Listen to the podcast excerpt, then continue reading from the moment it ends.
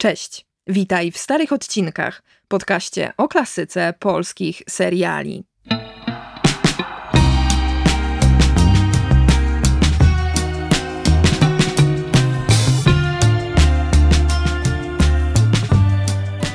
Nazywam się Dorota Jędrzejewska-Szpak, a to drugi odcinek starych odcinków.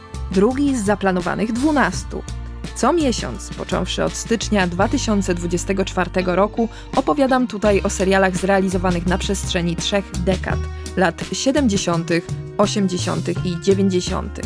O ich formatach, tematach, gatunkach, języku, ale też o Polsce, jaka zapisała się w tamtej telewizji. Jak dzisiaj ogląda się stare seriale? Czy możemy mieć z nich jakiś pożytek?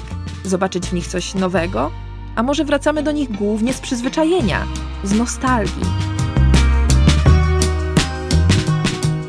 W poprzednim odcinku przyglądaliśmy się serialowi Daleko od szosy. Siedmioodcinkowa produkcja odsłoniła się jako opowieść trochę już nie dzisiejsza, zwłaszcza w ujęciu romantycznego uczucia, w tempie narracji, drobiazgowości realiów, a mimo to wciąż żywa emocjonalnie, angażująca i historycznie cenna, przypominająca o ówczesnych procesach kształtowania się społecznego krajobrazu. Interesował nas temat migracji ze wsi do miasta, a także zrozumienie sytuacji zawieszenia między tymi światami, między klasami.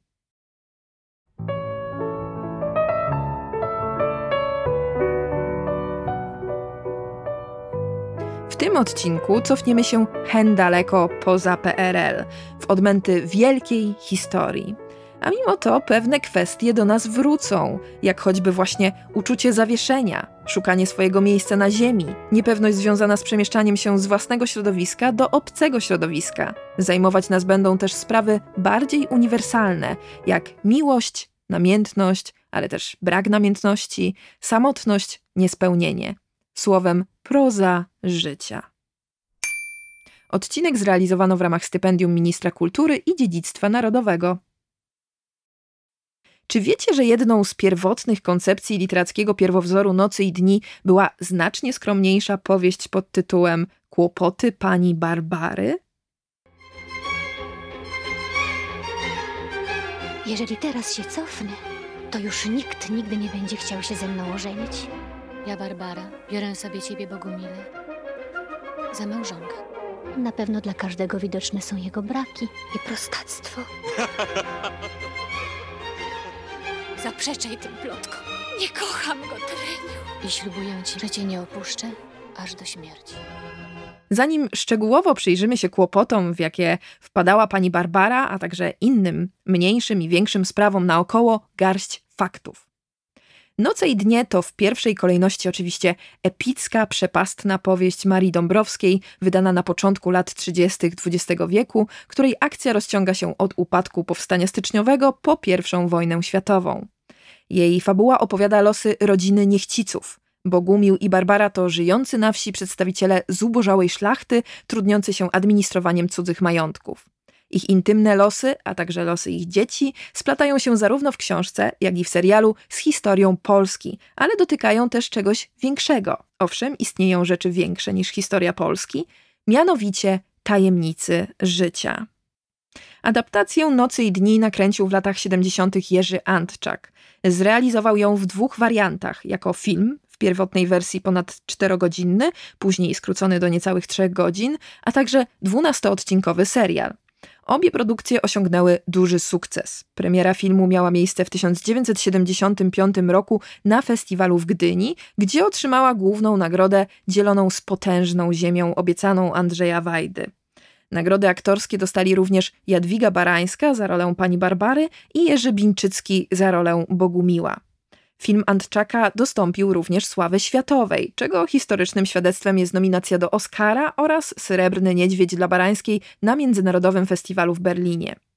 Gdy Noce i Dnie trafiły do kin, od razu stały się jednym z najpopularniejszych filmów tamtego okresu. W ciągu zaledwie 16 dni obejrzało go aż milion widzów. Serial zadebiutował kilka lat po filmie w 1978 roku i także był sukcesem.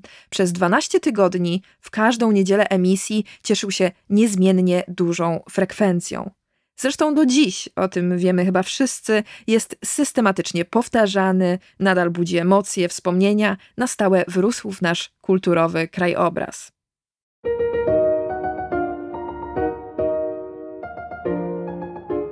Wygląda więc na to, że sukces to podstawowa właściwość nocy i dni. Wszak wielkim powodzeniem cieszyła się także powieść. Nakłady kolejnych tomów rozchodziły się na pniu.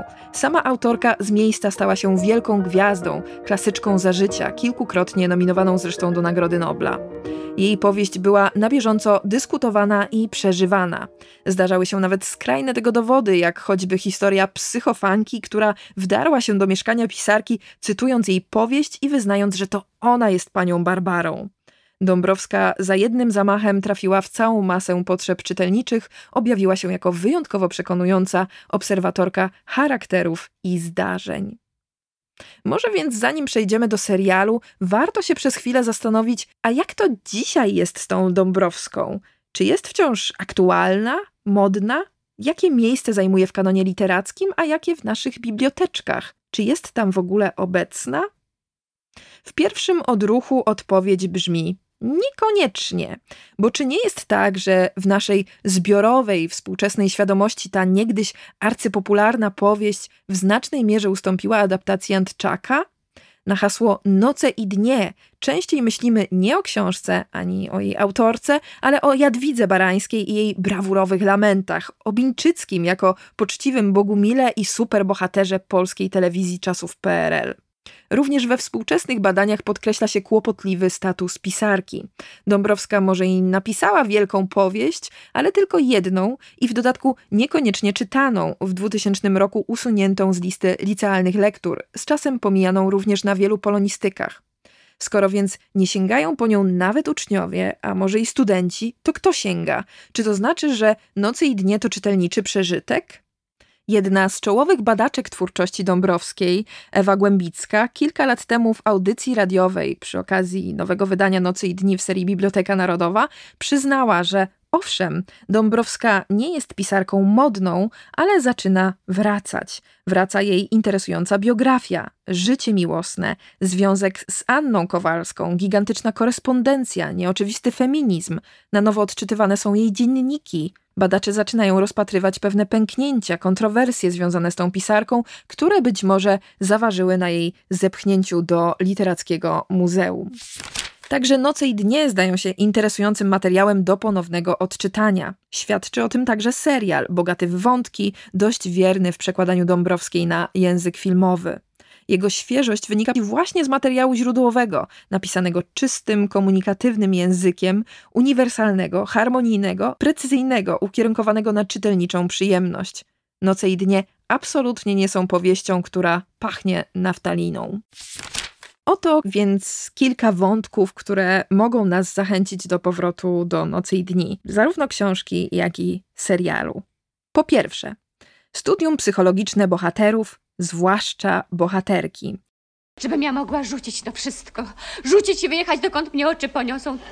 Tylko dokąd pojechać? Wszędzie, gdzie nie spojrzeć. Głuchy i obcy świat. Głuchy i ślepy na wszystko. Tatusiu, dlaczego mama płacze?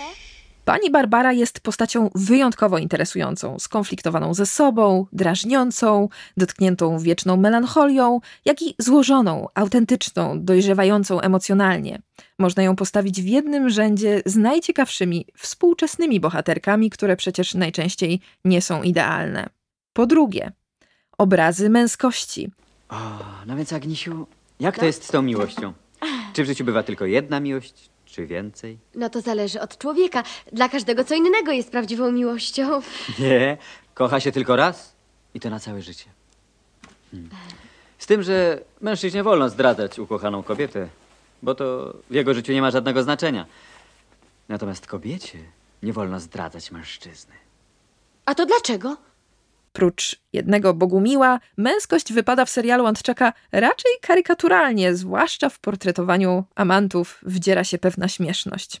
Po trzecie, Panorama społeczna. Serial w ślad za książką opowiada o historycznym momencie deklasacji ziemiaństwa i procesie kształtowania się nowej inteligencji pracującej. Następuje zmierzch Polski tradycyjnej i modelu białego dworku. Otrzymujemy tu również portret proletariatu wiejskiego i chłopstwa, a także mieszczan zajmujących się handlem, na przykładzie których obserwujemy kapitalistyczny kierunek przemian społecznych. Po czwarte, z jednej strony afirmacja codzienności, z drugiej groza życia, a więc wymiar filozoficzny. Życie jest jednocześnie marne i tragiczne, człowiek bezradny wobec biegów historii, chociaż ostatecznie tragizm istnienia nie wyklucza spokoju, a nawet szczęścia czerpanego z rzeczy najprostszych. Po piąte wreszcie, treści feministyczne, kumulują się zwłaszcza w postaci Agnieszki Niechcic, córki pani Barbary, która odnajduje swoją ścieżkę w życiu, spełnia ambicje, angażuje się w sprawy publiczne i życie intelektualne, ma przyjaciół, kocha i jest kochana. Agnieszka jest reprezentantką nowego pokolenia i jego priorytetów. Realizuje w życiu to, co nie udało się jej matce. Agniecha, powiedz mi, czy ty naprawdę chcesz jechać na ten uniwersytet? Tak, na przyrodę, do Szwajcarii, do Lozanny. No, a czy ta przyroda zapewni ci przyszłość? Bo moje dziecko, my bez majątku niestety musimy o tym myśleć. Oczywiście, tatuś, niech się tatuś nie martwi. Pochylając się nad tym krótkim, choć też niepełnym przeglądem spraw i wątków, trudno uwierzyć, że początkowo do projektu realizacji serialu podchodzono niechętnie. Z relacji Antczaka wynika, że gdy przedstawił swój pomysł Jerzemu Kawalerowiczowi, wówczas kierownikowi artystycznemu zespołu filmowego Kadr, ten odruchowo się skrzywił. Miał wówczas powiedzieć coś w rodzaju: To najnudniejsza książka świata, nieprzekładalna na język filmowy. Ponoć przymierzało się do niej już kilku reżyserów, ale każdy ostatecznie się wycofał. Wątpliwości budziły zarówno rozmiary powieści Dąbrowskiej, jak i jej opisowość.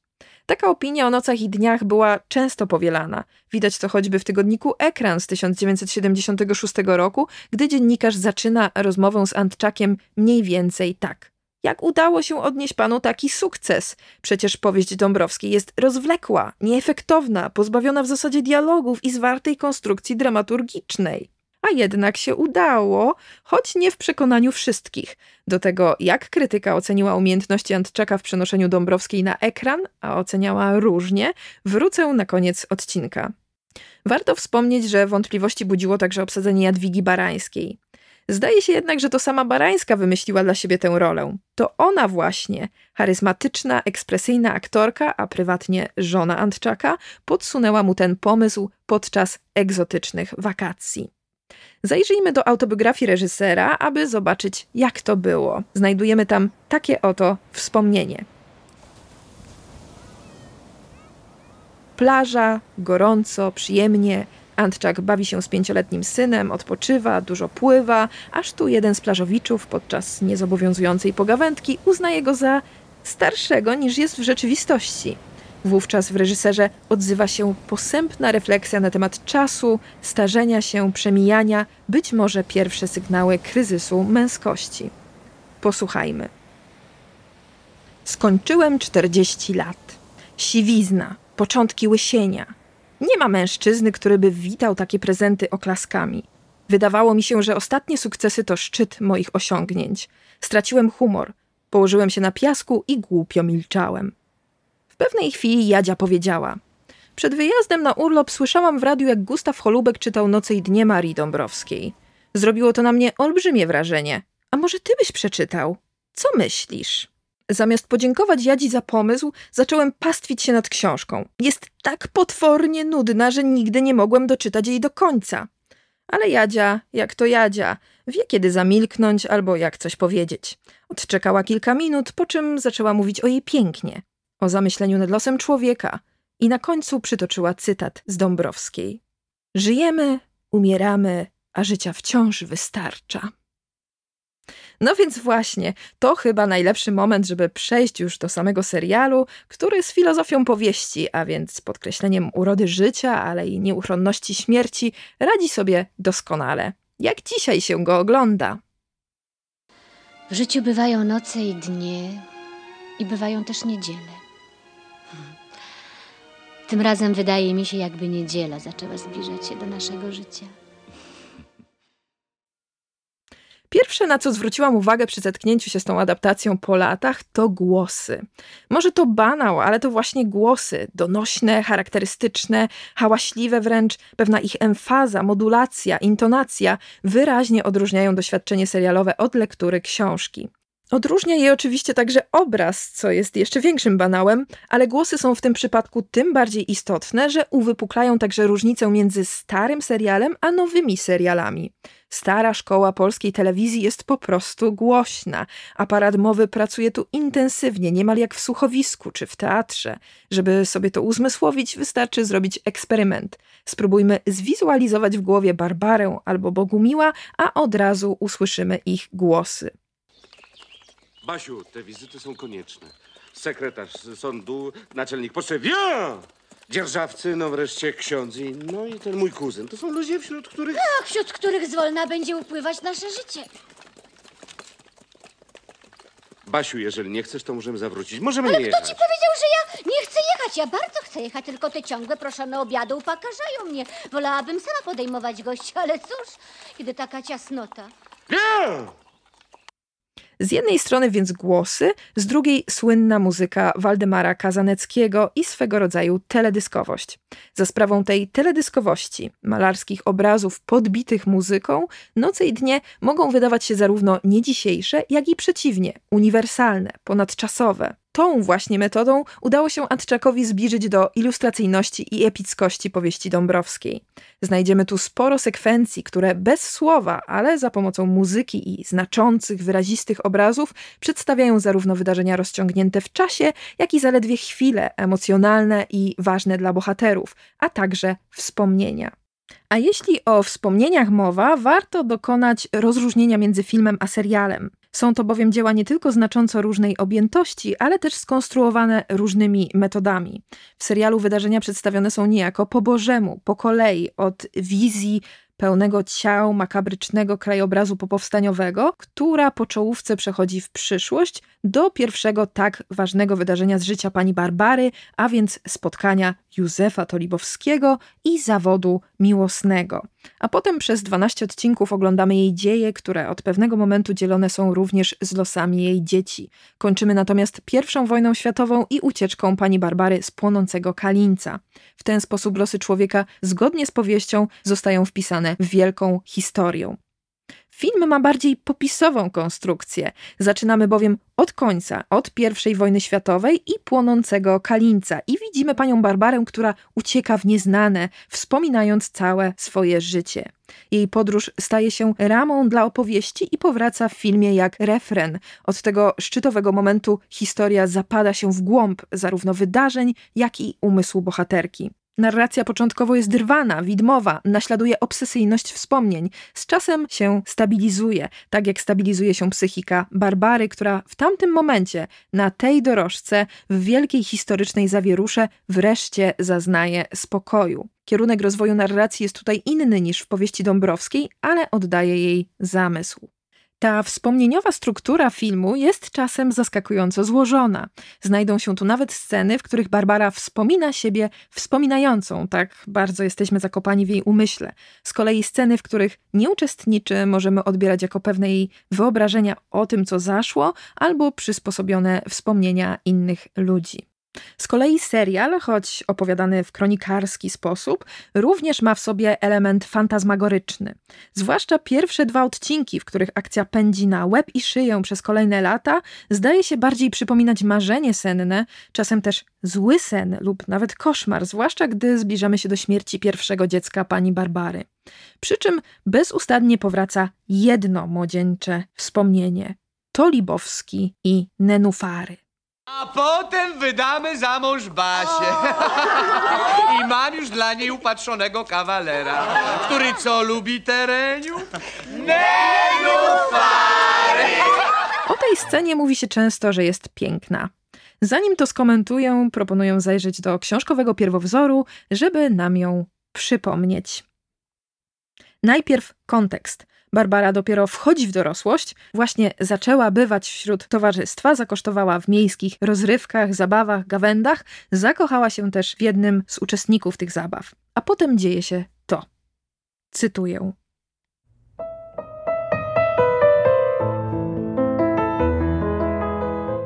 Razu pewnego, w czasie wycieczki, całe towarzystwo spoczęło na wzgórku nad rzeką. Część łożyska w tym miejscu była zarośnięta i okryta kwitnącymi nenufarami, które bardzo się podobały pannie Barbarze. Szkoda, powiedziała, że nie można ich dostać. Józef Tolibowski spojrzał na nią i nic nie mówiąc, bez uśmiechu, jakby to nie był zalotny figiel, ale surowe świadectwo jego gotowości na wszystko, wszedł jak stał w rzekę, pogrążył się w nią do ramion i wrócił z naręczem ciężkich białych kwiatów. Pozostali na brzegu przez cały czas dowcipkowali, zanosząc się od śmiechu, a panna Barbara płakała.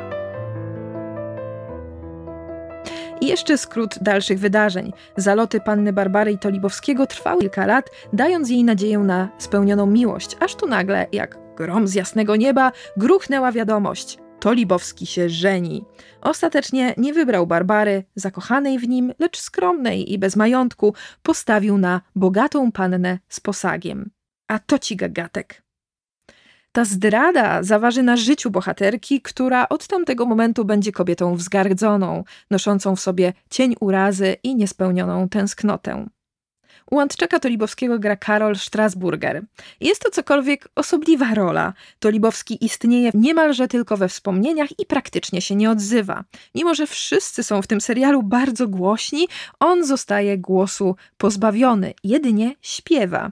Widzimy go na samym początku, gdy podczas wieczoru towarzyskiego wyśpiewuje energicznie warszawiankę, a panienka Barbara przygląda mu się oczarowana z zapłomieni świec. Dalej obserwujemy, jak biega z nią w zbożu, są pocałunki, awanse, potem są te słynne nenufary, niczym kwiatowe oświadczyny i jeszcze wesele, gdy Tolibowski obtańcowuje na parkiecie kolejne kobiety, budząc u Barbary niepewność, może nawet zazdrość.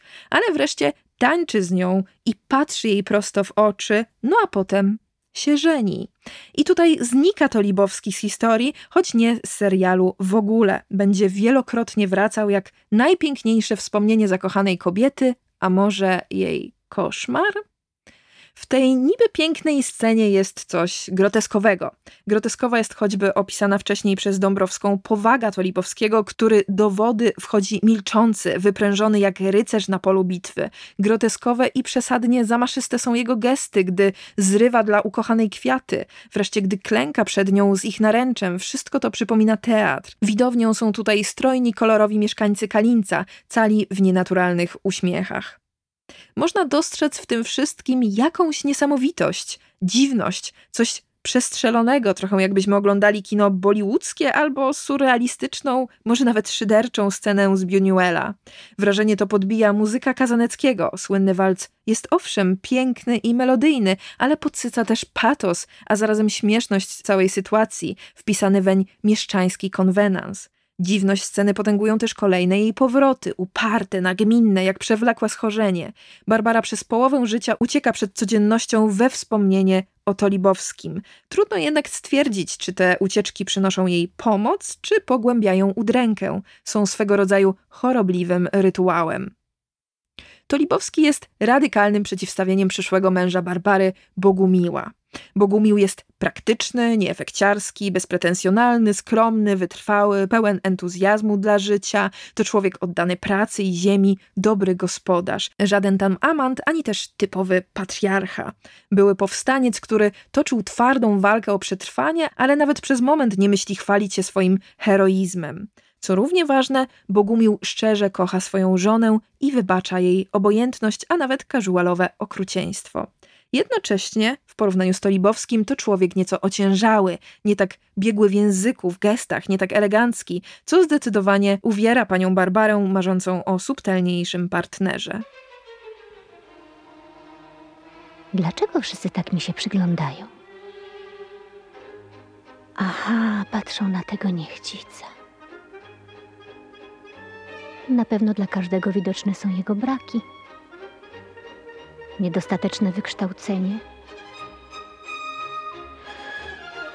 i prostactwo. Czy jednak możemy o Tolibowskim powiedzieć coś dobrego? Heca z nenufarami przypominała oświadczyny, które ostatecznie zostały zerwane, bez słowa usprawiedliwienia. Tolibowski porzucił Barbarę z nienacka dla majętnej kobiety, nie tylko łamiąc jej serce, ale też pogłębiając kompleks wobec inteligentów z miasta. Czy to uczciwe? Pani Barbara wychodzi więc za mąż za zakochanego Bogumiła. Przenosi się z nim na wieś, w błoto, w pola, najpierw do Krępy, potem do Serbinowa, z dala od fikuśnej filisterii. Przez długie lata będzie tęsknić za miastem, ale czy miastowy styl życia jest tak naprawdę dla niej? Nad tym zastanowią się w dalszej części odcinka. Jednym z istotniejszych aspektów dzieła Antczaka jest przedstawienie historii z perspektywy kobiety.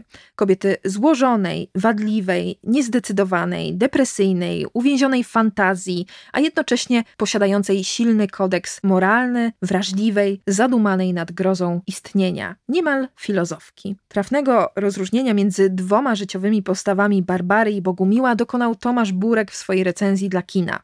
Cytuję. Bogumił to element woli, Barbara to pierwiastek wyobraźni. On stoi po stronie konkretu, ona po stronie ideału. On otwarty ku światu, człowiek pasji twórczej i skrzętnego działania, pozytywny minimalista, ufny, że przyszłość przyzna mu rację i zbierze plon z jego zasiewu. Ona lękliwie zamknięta w sobie, niezadowolona ze świata, trawiona żarem nieokreślonego maksymalizmu i stałą potrzebą mitu wewnętrznego. Barbara to postać, która od samego początku, również w swojej powieściowej postaci, budziła ambiwalentne odczucia. W jednym z opracowań Nocy i Dni Ewa Głębicka wymienia kilka określeń, jakimi próbowali uchwycić charakter tej bohaterki literaturoznawcy, raz po raz chybiając. Barbara uznawana była m.in. za, cytuję, niesympatyczną jędzę albo typową psychasteniczkę, czy też osobę dotkniętą piętnem tragicznej groteskowości, kobietę wyrachowaną, okrutną, może nawet niekochającą swoich dzieci, budzącą dezaprobatę, politowanie, a nawet przyganę. Niektórzy interpretatorzy stawiali nawet hipotezę, że powieść celowo ośmiesza i deprecjonuje panią Barbarę. Z drugiej strony, wiele czytelniczek zobaczyło w niej siebie, postać zwyczajnie ludzką. Przyjmijmy więc fakty. Barbara nie jest postacią negatywną ani zepsutą, jest po prostu skomplikowana. Zdaje się więc, że niechęć wymierzona w tę postać ma swoje korzenie bardziej w uprzedzeniach i przywiązaniu do pewnych klisz związanych z kobiecymi postaciami, niż w zdrowym oglądzie sytuacji. Świetnie istotę charakteru Barbary oddała Zofia Starowiejska-Morstinowa, krytyczka literacka recenzująca książkę Dąbrowskiej w 1932 roku. Otóż uznała ona, że Barbara to jeden z najodważniej prawdziwych typów kobiecych w literaturze, w którym niejedna kobieta odnajdzie coś z siebie w chwili szczerości. Zwłaszcza ta chwila szczerości robi różnicę. Inny krytyk tamtego czasu, Leon Piwiński, pisał też: Barbara jest nieszczęśliwa potwornie, podle, brzydko. Jest jej tak zimno na świecie, nie mogę o niej myśleć bez skurczu w gardle. Spróbuję teraz przyjrzeć się temu skomplikowaniu Barbary, sposobowi, w jaki przetwarza swoje konflikty. Przypomnijmy sobie sytuację, w której pani Barbara nie może zasnąć, bo wcześniej Michasia i Holszańska z dezaprobatą odniosły się do jej stylu życia. Barbara po konfrontacji z koleżankami zwierza się Bogumiłowi w alkowie, wyraźnie dotknięta i oburzona sposobem, w jaki ją oceniono. Scena ma specyfikę lekkiej komedii małżeńskiej, w której Bogumił, jak to Bogumił, nie daje się wciągnąć w dyskusję, sprawę komentuje życzliwie, ale konkretnie i idzie spać. Ciągle śpi, wiecznie śpi. Kwituje pani Barbara, a sama zasnąć nie potrafi i przetwarza w samotności minione wydarzenia. Ja nie widzę przed nami żadnej przyszłości. Żadnego życia, o ile dalej będziemy gnuśnieć w tej krępie. Połóż się, Basiu, jutro już będziemy w domu. No tak, i będziemy już zawsze tam dziadować. Ty wiesz, kim dla nich jesteśmy? Ekonomami. O. Bywałem w życiu już niżej niż ekonomem. Tak, ale zobacz, jak one tu żyją, Holszańska i Michasia, jak działają. Gdybyśmy się przenieśli do miasta, to wreszcie ja bym mogła w życiu czegoś dokonać. A Holszańskiej i Michasi to ja jeszcze powiem.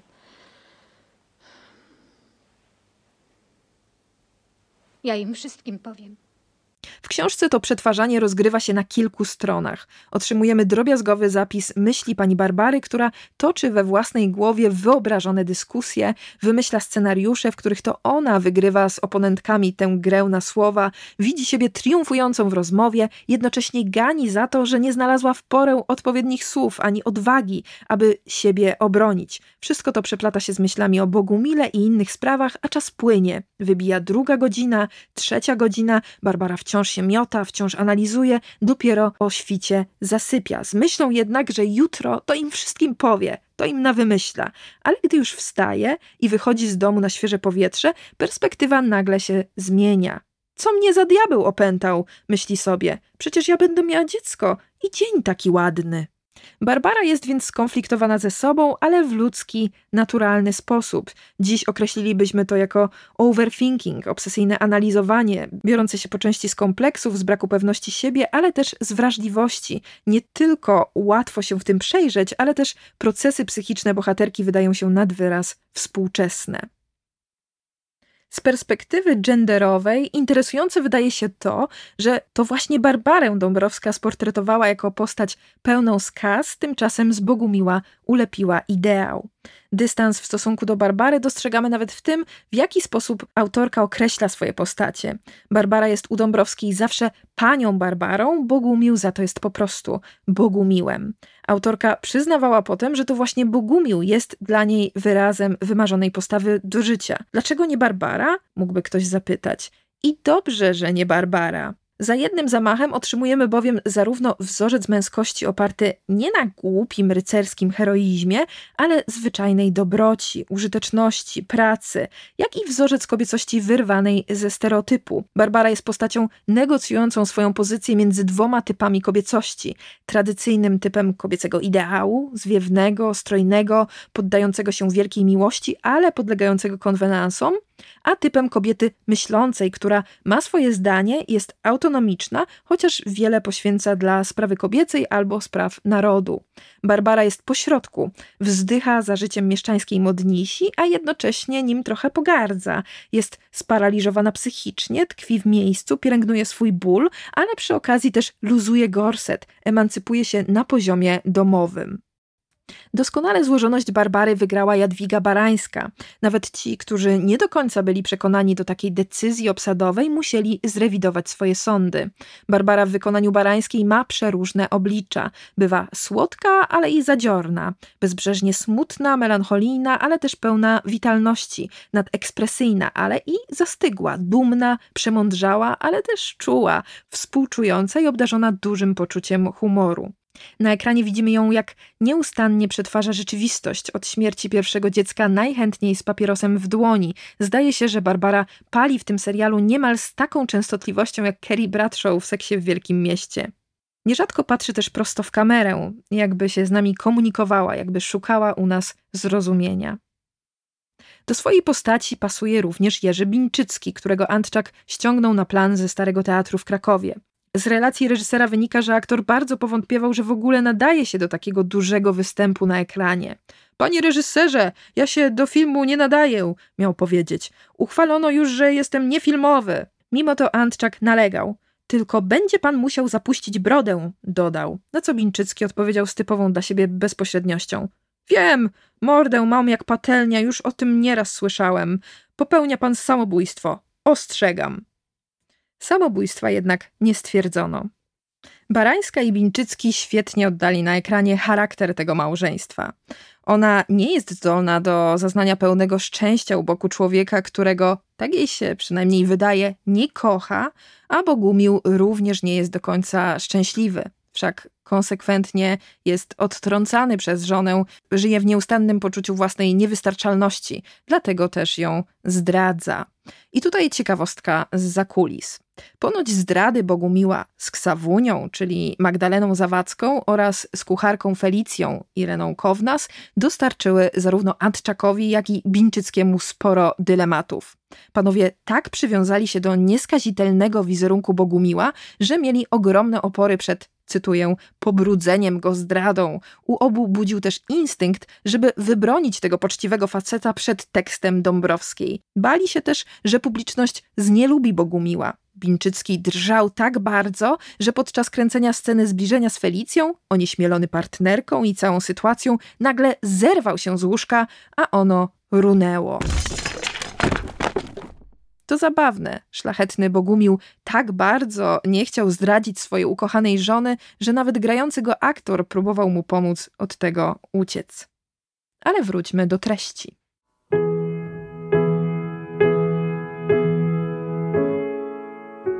Mimo problemów, które trawią tę parę, raczej bylibyśmy skłonni uznać ją za całkiem dopasowane małżeństwo, a przynajmniej jakoś wiarygodne. Relacja Bogumiła i pani Barbary zdaje się swego rodzaju trzeźwym, przyziemnym spojrzeniem na miłość. Miłość nie jako romantyczny gest, nie coś, co istnieje na pokaz, jak pusty gest do Libowskiego, ale wspólne trwanie w prozie życia, praca nad sobą, wzajemne wsparcie, rozmowy, zaufanie, ostatecznie też czułość i szacunek. Choć Barbara odrzuca męża jako kochanka, wierzy w jego wartości. Mąż stanowi dla niej nieodzowne wsparcie. Barbara zarzuca go swoimi opiniami, potem na jego oczach zbija swoje własne argumenty i, polegając na stabilności i spokoju męża, sama formułuje swój światopogląd. Znamienne jest też to, że gdy Barbara jest okrutna dla Bogumiła, zaraz potem tego żałuje. Wybrzmiewająca w serialu wizja miłości przyziemnej i nieidealnej ma swoje źródło oczywiście w prozie Dąbrowskiej, polemicznej w stosunku do miłosnej egzaltacji, popularnej zwłaszcza w młodej Polsce. Okrutne skutki powierzania całego swojego życia miłości widzimy choćby na przykładzie Celiny Mroczkównej Katelbiny w serialu świetnie zagranej przez Annę Nechrebecką, początkowo postaci dość komicznej, ale z czasem zamieniającej się w tragiczną heroinę. Celina zdradza swojego wiejskiego męża z lekarzem, z Januszem Ostrzeńskim, w tej roli Olgierd Łukaszewicz, i jest w nim zakochana bez pamięci. Tymczasem Janusz to śliski typ kochanka, egocentryczny flirciarz, wiecznie przejęty sobą, niezdolny do miłości. Ostatecznie kobieta popełnia samobójstwo to ona bardziej niż Barbara przypomina panią Bowary, często przywoływaną w kontekście nocy i dni, nie tylko w swoim spalaniu się w miłości, ale też w próbach wyłamania się ze sztywnych reguł społeczeństwa XIX wieku. Barbara przy Celinie wydaje się wręcz racjonalnie nastawiona do życia.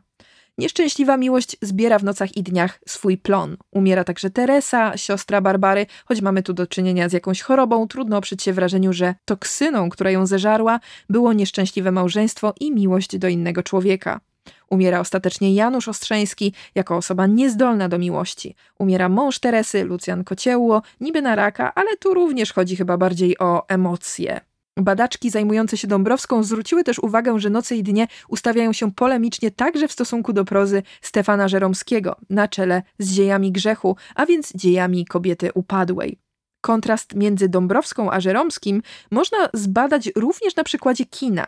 Najpierw obejrzeć dzieje grzechu Waldemara Borowczyka, a potem, dla spokoju ducha, podać sobie antidotum w postaci Nocy i Dni.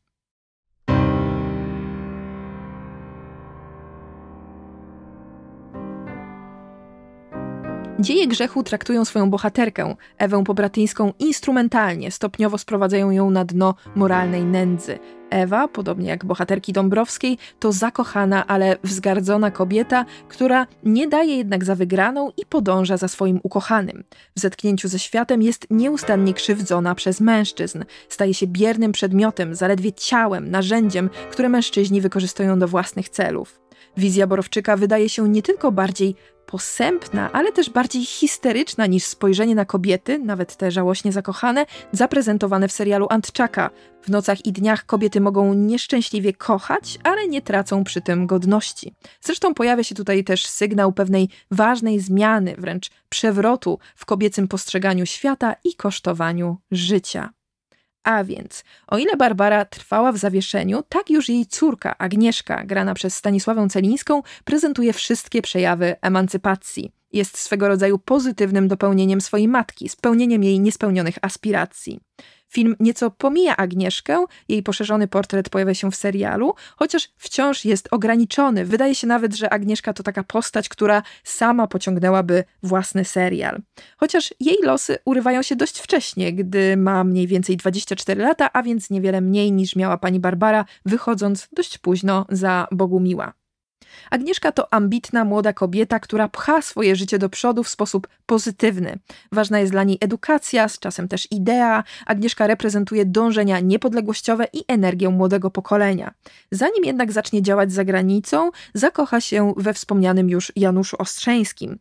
Romans ma miejsce w Serbinowie, zakochani przypominają w swoich zalotach Barbarę i Tolibowskiego. Zgadza się nawet to, że Janusz ostatecznie wystawia Agnieszkę do wiatru, jak Tolibowski Barbarę, bez pożegnania. Ale dziewczyna inaczej niż swoja matka i wiele bohaterek ginących z miłości nie załamuje się.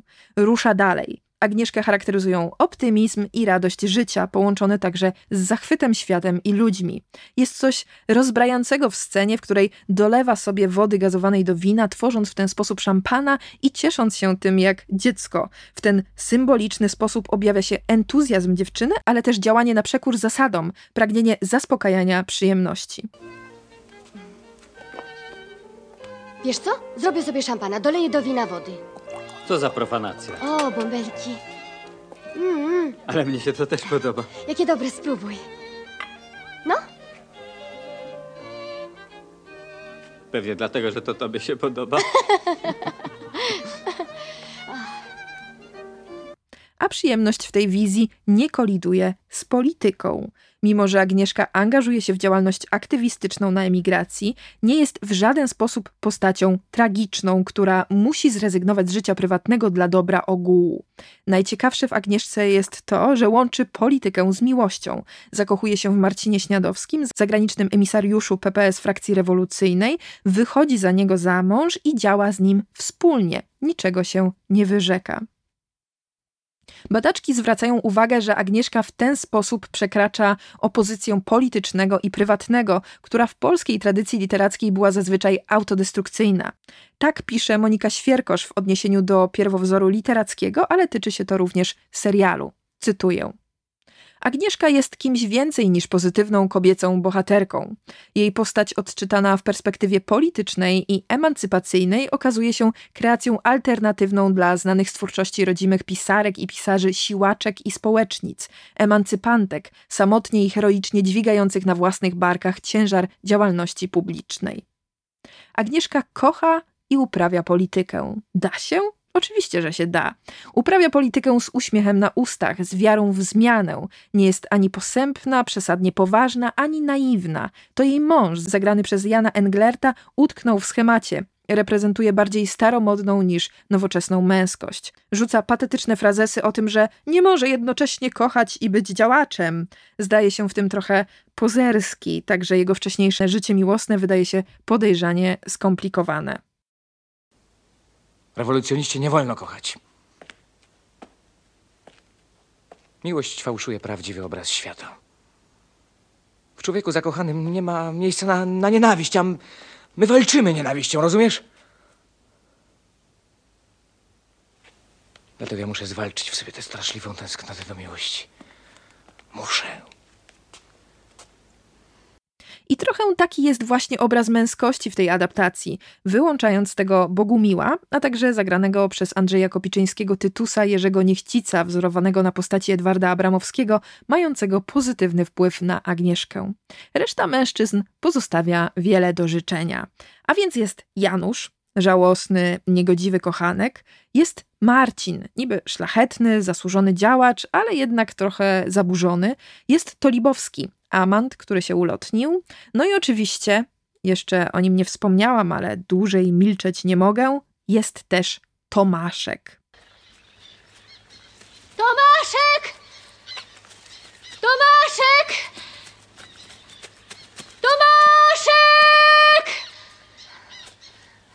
Tomaszek, syn pani Barbary i Bogumiła, leń, krętacz, który nastręcza rodzinie ciągłych problemów, nie potrafi skończyć żadnej szkoły, kradnie, pije, zabawia się, nie odczuwa żalu nawet po śmierci ojca.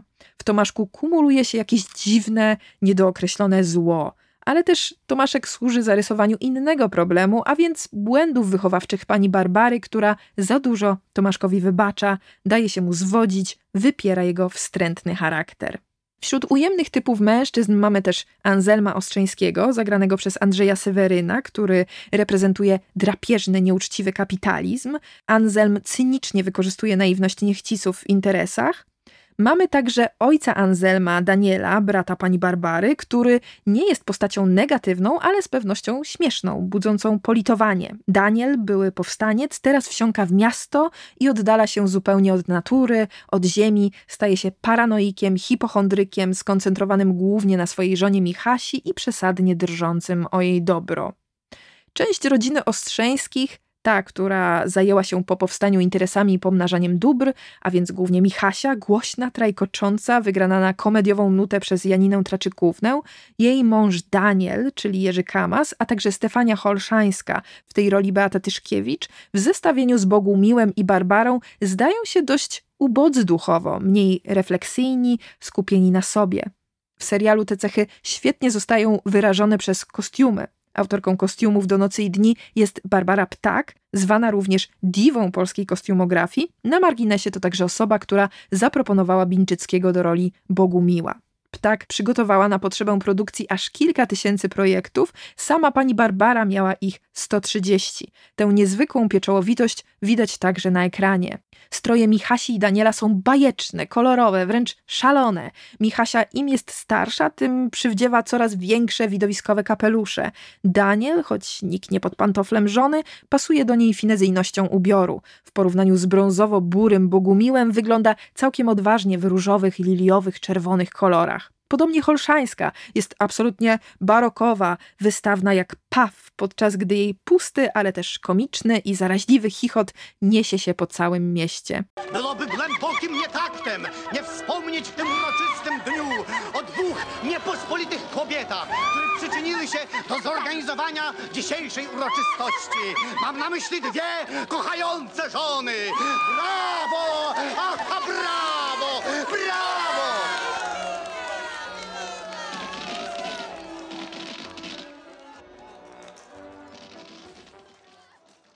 Warto zauważyć, że to w połowie XIX wieku Isaac Singer opatentował model maszyny do szycia, który znacząco wpłynął na rozmaitość mody tamtego czasu. W nocach i dniach widzimy przeróżne suknie i te skromniejsze, i te bardziej obfite, z bufiastymi lub wąskimi rękawami, z tak zwanymi kuprami paryskimi, czyli podpinane zalotnie w tylnej części ciała, albo ciasne, zabudowane princeski rozszerzane dopiero od kolan. Charakterystycznym elementem ówczesnej mody są spacerowe, koronkowe parasolki. Ale też moda zmienia się pod wpływem ruchów emancypacyjnych. Strój kobiecy robi się coraz bardziej praktyczny, przystosowany do pracy, działalności publicznej, co widzimy na przykładzie Agnieszki. Niemniej moda wśród mieszkańców Kalinca świadczy o swego rodzaju próżności. Ich wizerunek jest w adaptacji Antczaka uszczypliwy, ogólnie jednak sympatyczny. Ale warto przyjrzeć mu się nie tylko od krytycznej strony. To również ilustracja dla kluczowego momentu polskiej emancypacji, kiedy to kwestia pracy zawodowej kobiet pochodzących z ziemiańskich rodzin stała się ważnym problemem społecznym obejmowanie cudzego majątku, czyli droga, jaką podążyła pani Barbara, nie było wyborem pierwszym z brzegu. Kobiety w tamtym czasie najczęściej spełniały się choćby jako nauczycielki. W nocach i dniach nauczycielką jest początkowo Celina, potem też pojawia się postać socjalistki pani Chłasko. Choć akurat był to raczej bezpieczny zawód, nikogo nie oburzał. Do pionierskich zajęć wśród kobiet należał natomiast handel. I tutaj warto spojrzeć łaskawiej na Michasię, która prowadząc z powodzeniem własny sklep przeciera wielu kobietom szlaki. Cała ta miejska inteligencja jest przedstawiona w wyraźnej opozycji do wsi. Niechcicowie, w przeciwieństwie do olszańskich, nie opływają w zbytki, pracują na kogoś, nie na siebie, są ziemianami bez ziemi, bez własności. Tutaj liczy się ciężka fizyczna praca, ale próżno czekać na jakieś wielkie profity. W wymowie tak serialu, jak i książki Serbinów symbolizuje odejście ziemiaństwa, wypalenie się tej klasy społecznej. Na początku odcinka wspominałam, że obecnie badacze podkreślają pewne wzmożone zainteresowanie nocami i dniami. Jednym z aspektów tej epickiej historii, który z dzisiejszej perspektywy wydaje się wyjątkowo świeży, jest właśnie społeczny ferment. Serbinów mógłby skutecznie wkomponować się w dyskusję na temat wpływu pańszczyzny na tożsamość Polaków i ją urozmaicić, wyrwać z łatwego podziału na chłopstwo i szlachtę. Noce i dnie proponują coś, co jest pośrodku, jakieś miejsce pozytywnego spotkania. Podczas powtórkowych seansów Nocy i Dni warto więc zwrócić uwagę na z jednej strony obrazowanie pracujących w Serbinowie chłopów. Jest to obraz żywy, nieidealizujący, nie negatywny, po prostu szczery. Można tu wspomnieć choćby Pyskatą Andzie, zagraną przez Bożenę Dykiel, czy Marię Kałużną w tej roli Zofia Merle. Z drugiej strony przyjrzeć się, jak pani Barbara funkcjonuje wśród służby, w gospodarstwie. Choć posiada szlachecko-inteligenckie korzenie, nie wymawia się nimi. Uczy się pracy od swoich pracowników, pracuje razem z nimi w pocie czoła. Ma ewidentne kompleksy z powodu swojej deklasacji, ale jednocześnie docenia ten tryb życia. Za każdym razem, gdy wraca do miasta, czuje się wyobcowana. Bogumił z kolei to wzór nowoczesnego gospodarza, któremu zależy na dobrych warunkach pracowników i rozwoju wsi, który cieszy się, gdy może chłopom wybudować nowe czworaki lub gdy obejmuje zaniedbany majątek, bo tak bardzo rwie się do pracy. Chce wdrażać mądre rozwiązania, co ostatecznie sprowadza na niego zgubę. Niechcicowie tracą w ten sposób prawo do dalszego mieszkania w Serbinowie. Z obrazu wiejskiego życia niechciców wynikają więc co najmniej dwie rzeczy – po pierwsze, potrzeba społecznej równości, współpracy bliska materiałowi źródłowemu i wizji Dąbrowskiej, która o nowej Polsce myślała właśnie jako o nowej przekształconej klasowo wspólnocie, w której to chłop będzie dziedzicem szlachty. Warto nadmienić, że Serbinów był wzorowany na autentycznym Rusowie, gdzie pisarka odebrała bardzo wolnościowe wychowanie. Chodziła do czworaków, bawiła się z chłopami, biegała boso, później sprawą chłopską będzie żywo zainteresowana także w działalności publicystycznej. To ona zgłosi słynne pamiętniki chłopów do Nagrody Wiadomości Literackich. Druga rzecz z kolei to wyraziście obecna w serialu pochwała codzienności, zwyczajnego szczęścia, radości czerpanej z pracy, z rutynowych, trywialnych zajęć, docenienie czy wręcz nobilitacja tego, co powszednie, ale też wykazanie społecznej użyteczności nie tylko wielkich, heroicznych gestów czy zaangażowania w politykę, ale po prostu dbania o swoje otoczenie, o ziemię. Ta warstwa, obok aspektu egzystencjalnego, wybrzmiewa w serialu Antczaka chyba najpełniej. Stanowi też trzon serialu, czym krytyka niekoniecznie była usatysfakcjonowana. Choć ogólnie Noce i Dnie zdobywały pochlebne recenzje, ci krytycy, którzy cenili sobie powieść Dąbrowskiej, byli w swoich opiniach wyjątkowo czepliwi. Do legendy przejdzie zwłaszcza atak Zygmunta Kałużyńskiego na Antczaka, akurat wymierzony w jego film, nie serial, ale jednak jakoś znamienny. Kałużyński najpierw w podsumowaniu rocznym uznał, że reżyser wyciągnął z nocy i dni to, co najbanalniejsze, a potem w programie Sam na Sam postawił go pod pręgierzem. Więc, panie Jerzy, odczytał pan to wszystko z Dąbrowskiej, co pominął pan w swoim filmie. Bo właśnie ta wypowiedź potwierdza, że dla niej były szalenie ważne sprawy społeczne, jej filozofia, jej stosunek do życia w ogóle, a pan jednak ogranicza Czy w się filmie do nie ma rozkosznej stosunku miłości. do życia? Czy pan nie ma biografii ludzi? Czy Tego pan nie ma stosunku biografii? do życia nie ma. Jak to? Nie ma Jak społeczeństwa. Otóż, pan, bo pan, chwileczkę, bo pan e, przed chwilą użył innego argumentu, że przecież zrobił pan wersję telewizyjną, gdzie być może to będzie. No ale ja w filmie kinowym nie Dziennikarka filmowa Danuta Kracz też porównywała adaptację z książką, uznając, że Antczak nakręcił opowieść głównie o kobiecie i rodzinie. Tymczasem książka opowiada o czymś więcej, o rozumieniu swojego miejsca w życiu, nie tylko w skali domu, ale narodu. Podobnie to widział krytyk literacki Tomasz Burek, uznając, że film Antczaka koncentruje się głównie na psychologii trudnego pożycia małżeńskiego, a nie na Polsce, jej polityce i społecznych kwestiach. Wiele zarzutów miał również Tadeusz Drewnowski, wieloletni badacz twórczości Dąbrowskiej, którego martwiła banalizacja ważnych wątków, zwłaszcza wątku młodego pokolenia, polityki i idei. Nie podobało mu się, że Antczak niektóre kwestie tylko zarysowuje, bez intelektualnego pogłębienia. Serial uznał za zbyt rozgadany, rozlewający się, bardziej doceniając zwartą strukturę filmu. I owszem, ja też widzę pewne niedostatki w tej adaptacji. Mam wrażenie, że na skupieniu się Antczaka na Bogumile i Barbarze cierpi drugi plan, zarówno Agnieszka, której historia domagała się pogłębienia, jak i ludność wiejska przedstawiona głównie w scenach zbiorowych, ale też takie postacie jak kochanki Bogumiła, ledwie pretekstowe. Też uważam, że film jest bardziej zwarty i przemyślany konstrukcyjnie, niemniej bliżej mi do opinii Czesława Dądziły, który w swojej recenzji w magazynie Film pisał tak. Cytuję. Zwykłe życie, zwykłe trudy i znój zwykłej egzystencji to potężny akcelerator energii, niby bergsonowska siła życia, która wypełnia Bogumiła, a także Barbarę. Wersja telewizyjna bardzo precyzyjnie wydobywa ten element filozofii Marii Dąbrowskiej. Luz narracyjny i szeroki oddech sprawiają, że na pierwszy plan wysuwają się szczegóły, uroda i piękno chwili, zdarzenia sytuacji, to co ginie w wielkich dramatach postaw i idei. A z tego przecież składa się życie, z tego krzątania się pani Barbary, gaworzenia bez sensu, a z sensem, serdecznie, a złośliwie, po babsku genialnie i po babsku głupio. Zdaje się, że w pretensji krytyków odbija się jakiś odgórny polski przymus stawiania wielkiej historii i wielkich idei ponad prozę życia. Bardzo to męskie. Tymczasem w tej skoncentrowanej na kobiecie opowieści, najbardziej uniwersalne i ponadczasowe, wciąż świeże, wydaje się to, co zwyczajne. Niech o tym zaświadczy współczesna perspektywa. Krytyczka literacka Olga Wrubel, znana choćby z fanpage'a Kurzojady, przy okazji nowego wydania Nocy i Dni w Bibliotece Narodowej pisała w magazynie książki tak, cytuję. Warto sięgnąć do oryginału, żeby docenić kunszt Dąbrowskiej w niuansowaniu psychologicznym postaci i rozwijaniu ich w perspektywie czasowej. Jeżeli natomiast męczą Was pasaże polityczno-społeczne, które mocno się zestarzały i są interesujące głównie dla historyków idei, można je, uwaga, ominąć. Oto trzeźwe spojrzenie. Kończąc już, powiem tylko, że ja do Antczaka mam tylko jeden drobny żal, jeśli chodzi o wierność tekstowi.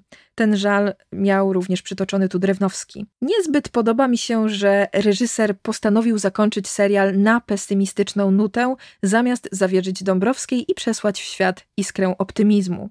Powieść kończy potężne zdanie, którego w adaptacji nie ma. Antczak z niego nie skorzystał, skorzystam więc ja i zakończę nim ten odcinek. Najpierw kontekst. Podczas wojennej zawieruchy pani Barbara jedzie dorożką w nieznane. Dorożkę powozi Szymszel. Jest ciemno, nie widać drogi. I tutaj cytat. Szymszelu! zawołała półgłosem. Szymszelu, czy Szymszel widzi drogę? Szymszel drgnął i zarazem pani Barbara ujrzała go niewyraźnie przed sobą. Ucisk ciemności zelżał. Wyjechali na pole. Czy Szymszel widzi drogę? Szymszel otrząsnął się z drzemki, wyprostował, kaszlnął i pognał konie. Wie! Niech się wielmożna pani nie boi, konie idą na pamięć.